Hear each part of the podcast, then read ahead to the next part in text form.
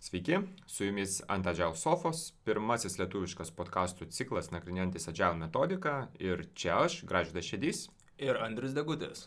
Na ir šiandien mes e, iš tikrųjų pasirinkome tokią tikrai šiandienai aktualią temą, tai yra nuotolinės Agile komandos. Pandemijos laikotarpiu jų populiarumas tiesiog išaugo drastiškai, bet dar iš tikrųjų prieš pandemiją teko domėtis šiek tiek statistikos, nuotolinės komandos augo lyginant su tradicinėmis kolokuotomis komandomis po 50 procentų per metus, kartais netgi daugiau. Na, o pandemijos laikotarpiu įdomi statistika iš Microsoft'o, kad vienos platformos jų vystomos Microsoft Teams naudojimas per kelis mėnesius išaugo tūkstančiais procentų. Tai tik parodo, kad na, nuotolinės komandos turbūt ir žmonės dirba daug iš namų, iš įvairiausių pasaulio vietų, iš skirtingų lokacijų. Tad e, nenustabu, kad e, nuotolinių komandų plėtra aktualėja. Ir šiandieną mes pabandysim analizuoti, atsakyti klausimus, kas visgi yra ta tikra nuotolinė komanda, nuotolinė agile komanda, kuo nuotolinės agile komandos yra gerai, kokie yra jų pliusai, e, taip pat pasižiūrėsime, kokie yra jų minusai arba su kokiais iššūkiais gali susidurti nuotolinės agile komandos, bei be abejo bandysim na, e, duoti keletą patarimų, kaip tuos iššūkius įveikti ir kaip e, stengtis turėti efektyvesnės e, komandos dirbančios nuotoliniu būdu. Taigi, prieš gilintas į pačią temą, pabandome pasigilinti į kas tai yra tos nuotolinės komandos arba komandos dirbančios iš vienos vietos. Jeigu kalbėtume apie komandą dirbančią iš vienos vietos, tai tikriausiai tai yra tik vienas tipas - komanda turi dirbti iš vienos vietos. Tai žmonės, kurie mato vienas kitą kiekvieną dieną, bendrauja gyvai, akis į akį taip vadinamai. Ir daug kas klausia, ar tai yra vis dėlto praeities reikalas, ar tai yra privalomas reikalas. Labai geras klausimas. Kol kas gal tokio atsakymo ar nelabai rasime, bet kaip ir Gražas minėjo, kad statistika keičiasi į tą pusę, kad vis dėlto įmonės renkasi nuotolinės komandas. O kas yra nuotolinė komanda? Nuotolinės komandos turi tris tipus pagrindinius. Tai uh, turi pilnai dirbančias nuotoliniu būdu, hybridinės ir lankščiosios, arba kitaip angliškai flex komandos. Pilnai dirbančios tai kiekvienas komandos narys dirba iš skirtingos lokacijos. Gali dirbti iš ofiso skirtingos vietos, tam pačiam mieste, kitoje šalyje, kitame mieste ir panašiai. Hybridinės komandos, didžioji dalis, arba bent pusė komandos dirba vienoje lokacijoje, gal viename ofise, o kiti žmonės dirba iš skirtingų lokacijų. Ir flex komandos, kai vėlgi didžioji dalis dirba, arba netgi visa komanda dirba vienoje lokacijoje, bet tada per savaitę kelias dienas pasirenka, kad norėtų tam tikri žmonės, komandos nariai dirbti iš kitos lokacijos, iš namų, atskirai nuo savo kitos likusios komandos dalies. Tik trumpai papildysiu, kad mes nebūtinai iš karto nutarėm, kad komanda bus e, visuomet nuotoliniu būdu dirbanti arba visuomet kolokuota, Kartais komandos transformuojasi iš vieno tipo į kitą, arba jeigu tai yra nuotolinės komandos, jos transformuojasi tarptų mūsų minėtų trijų tipų. Puikus pavyzdys vėlgi pandemija, kuomet na, komandos buvo ar tai kolokuotos, ar dirbdavo na, to flex tipu ir staiga visos tapo pilnai nuotoliniu būdu dirbančiam komandom, nes visiems staiga prireikė dirbti iš namų. Tai iš tikrųjų tai be abejo turi savo pliusus, savo minusus.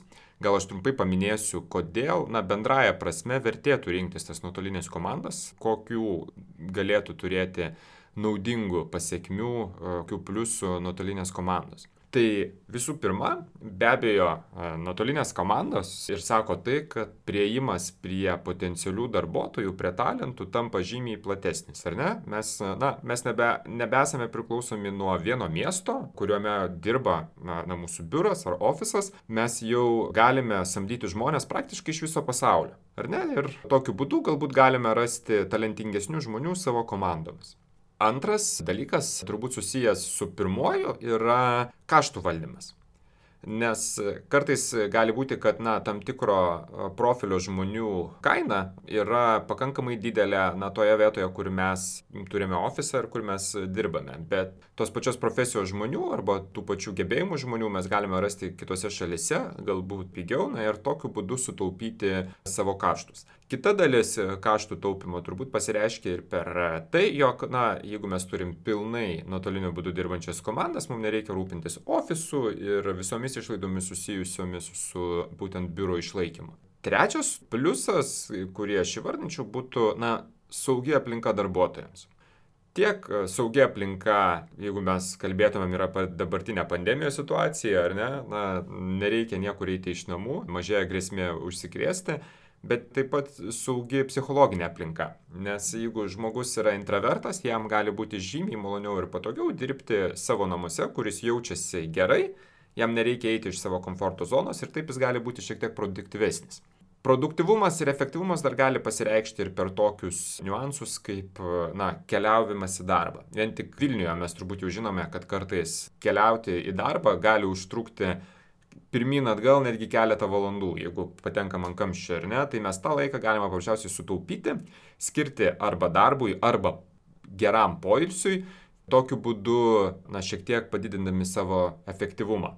Aš čia galbūt netgi pasidalinsiu tokia įdomia patirtimi. Teko dirbti su komanda, kuri buvo, na, tik pradėjusi transformaciją, dirbo pakankamai tokiu tradiciniu būdu, tai IT komanda, bet, na, visas departamentas transformavosi darbui į agile metodiką. Ir, na, pradžioje aš kaip kočias turėjau su viena komanda tam tikrų iššūkių, kad jie e, labai nenorėjo kiekvieną dieną daryti, na, daily e, scrum susitikimų, tų kasdienių uh, rytinių susitikimų, ar ne? Tiesiog jų argumentai buvo, jog, na, jie vienas kitą mato pakankamai ir pasišneka, kai jiems to reikia. Kadangi atėjo pandemija, tai tarsi palengvino mano kaip kočio darbo, nes taiga jie pradėjo daryti tos rytinius susitikimus, nes jie jau vienas kito nebemato, bet kada. Jie jau buvo, kaip sakant, visi savo namuose prie savo kompiuterių ir e, jiems reikėjo tų skambučių, tų, kaip sakant, kalendorinių susitikimų, kad aptartų ir pasišnekėtų apie buvusius ar būsimus darbus. Taigi, pliusai skambėjo tikrai puikiai, bet nuotolinės komandos turi ir savo minusų. Aptarkime juos. Vienas iš e, galimų minusų tai yra mažesnis bendrumo jausmas. Būdami vienoje vietoje, matydami savo kolegas, mums yra lengviau nustatyti, kaip jie jaučiasi, kaip prie jų prieiti, kaip užkalbinti ir panašiai. Tad kur kas yra sudėtingiau padaryti būnant nuotolinėje komandoje. Kitas minusas gali būti susijęs su potencialiomis techninėmis problemomis. Tarkime, interneto trikdžiai. Techniniai trikdžiai, kai sugenda kompiuteris arba viena iš kompiuterio dalių - klaviatūra, kamera, ekranas. Trečias minusas galėtų būti susijęs su vėlavimu į susitikimus. Būnant vienoje vietovėje yra kur kas paprasčiau pašaukti, prieiti ir pakviesti kartu nueiti iki susitikimo, negu tai padaryti nuotolinėje komandoje. Galima parašyti žinutę, bet tai ne visada aišku, ar ta žinutė laiku nukeliaus iki kolegos. Vienas iš tikrai didelių minusų nepatogumų yra laiko juostų skirtumai. Tarkim, kai komanda, komandos nariai yra iš skirtingų šalių, kurios yra skirtingose laiko juostose. Kodėl tai yra minusas? Nes, tarkim, mes turime 8 valandų darbo dieną ir mūsų bendras komandos laikas gali taip sumažėti netgi iki kelių valandų. Ką tai reiškia, kad jeigu mes turim didelį susitikimą, workshopą, kurio metu mes norėtumėm kažką aptarti, tai mes turėtumėm tikrai limituotą laiką tam pasiekti. Ir paskutinis iššūkis arba minusas, kurį norėtumėm paminėti, tai uh, mokymosi kultūra. Kaip komandoje mes prieiname, pasidaliname uh, ir mokomės vienas iš kito. Būnant vienoje vietoje, tai yra kur kas paprasčiau, nes mes galime pamatyti, ar žmogus yra šiuo metu laisvas, pamojuoti, prieiti arba pakviesti tai padaryti nuotolinėje komandoje yra tikrai sudėtingiau, nes nematome, ką kolega tuo metu veikia.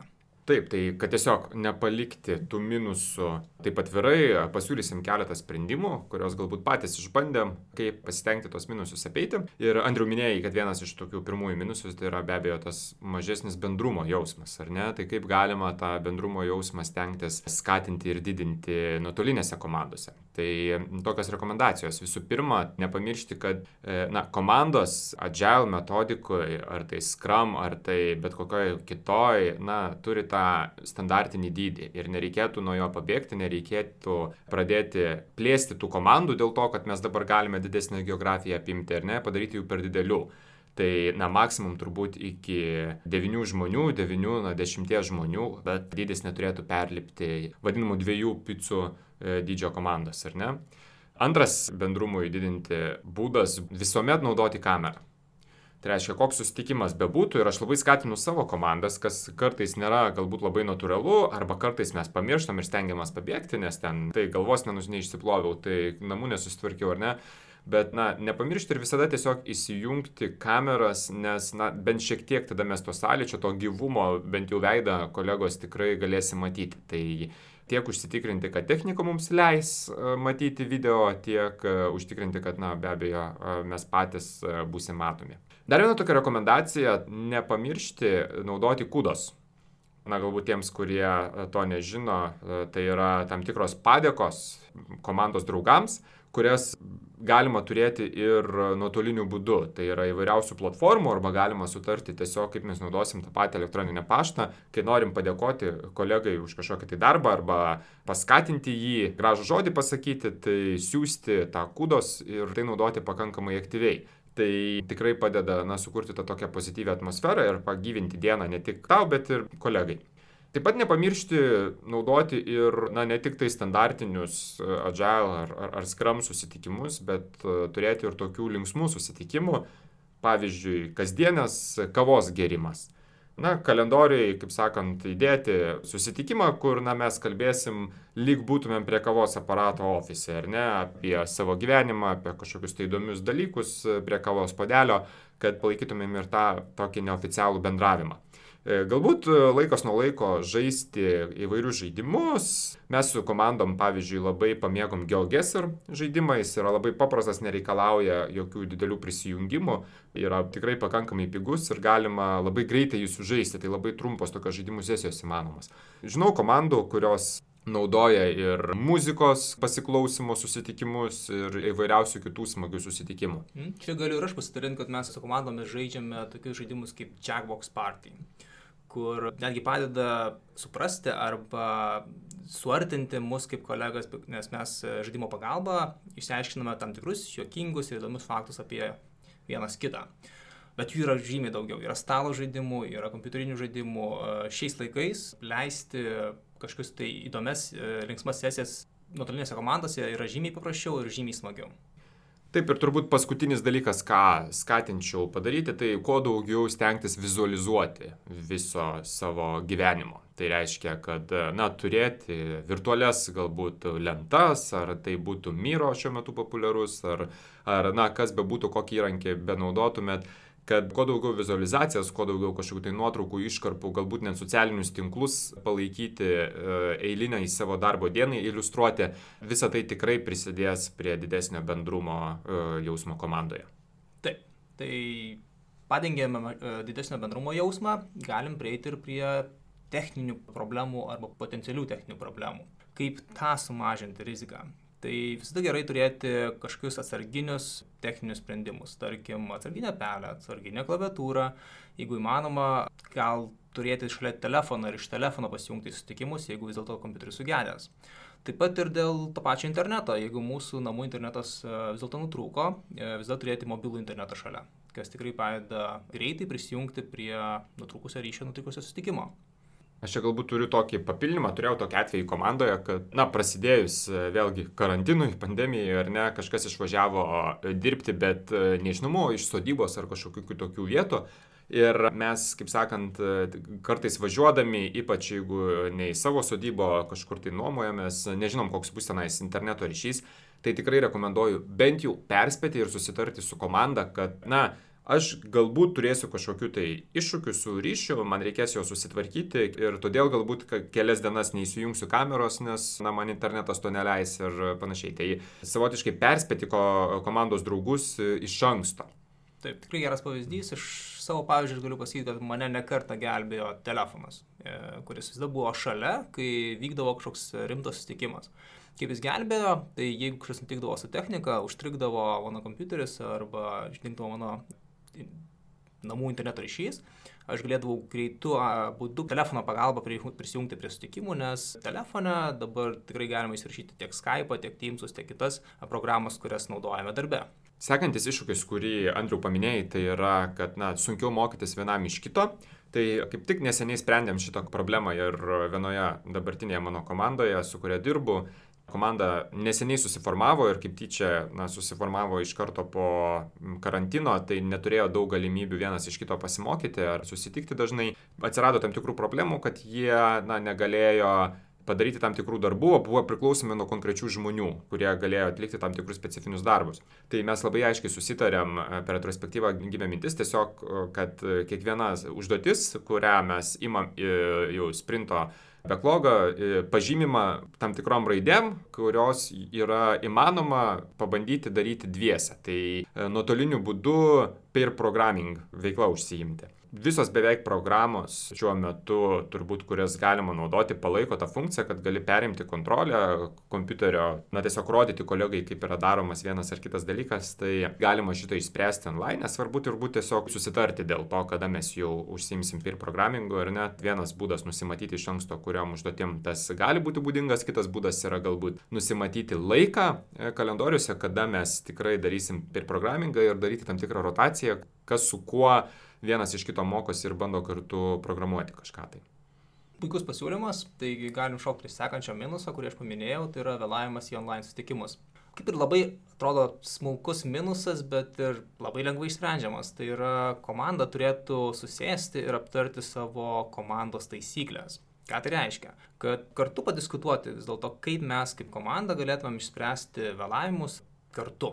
Tai gal padaryti, kad visada baigiam sutikimus penkiom minutėm anksčiau, kad e, galėtumėm prišokti į kitą sutikimą nevėluojant. Kad vis dėlto jeigu vėluojam, gal kažką tai reikės atlikti kitą kartą, tarkim, pirkti komandai kažkokių tai dalykėlių arba pravesti kažkokį tai agile eventą kaip facilitatoriai. Tai šitie dalykai visada duoda papildomos motivacijos nevėluoti ir vis dėlto laikytis tų komandos taisyklių, kurias nusistatėm.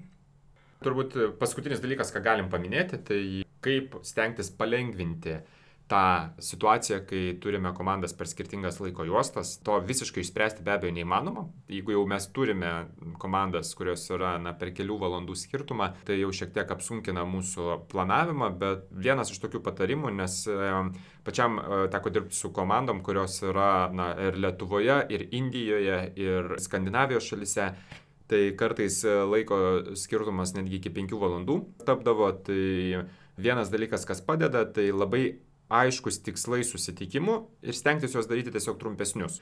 Nes be abejo, kad mes turim to laiko, kada visiems patogus laikas turėti susitikimus mažiau, tai stenkime susitrumpinti, galbūt per keletą susitikimų skirtingų išskaidyti ir turėti labai aiškius tikslus, ką iš jo norim išsinešti, kad neužsitęstumėm ir galėtumėm greičiau susidoroti su konkretaus susitikimo užduotimis. Šią praktiką naudoju ir savo komandose. Tai yra kai e, siunti kvietimą į sutikimą, turėtum paminėti vis dėlto turinį ką mes aptarsim ir kokį tikslą mes norim pasiekti. Tai padeda sutaupyti ir išvengti tų nereikalingų diskusijų, kurios vėlgi ne, ne, nepadeda sutaupyti laiko.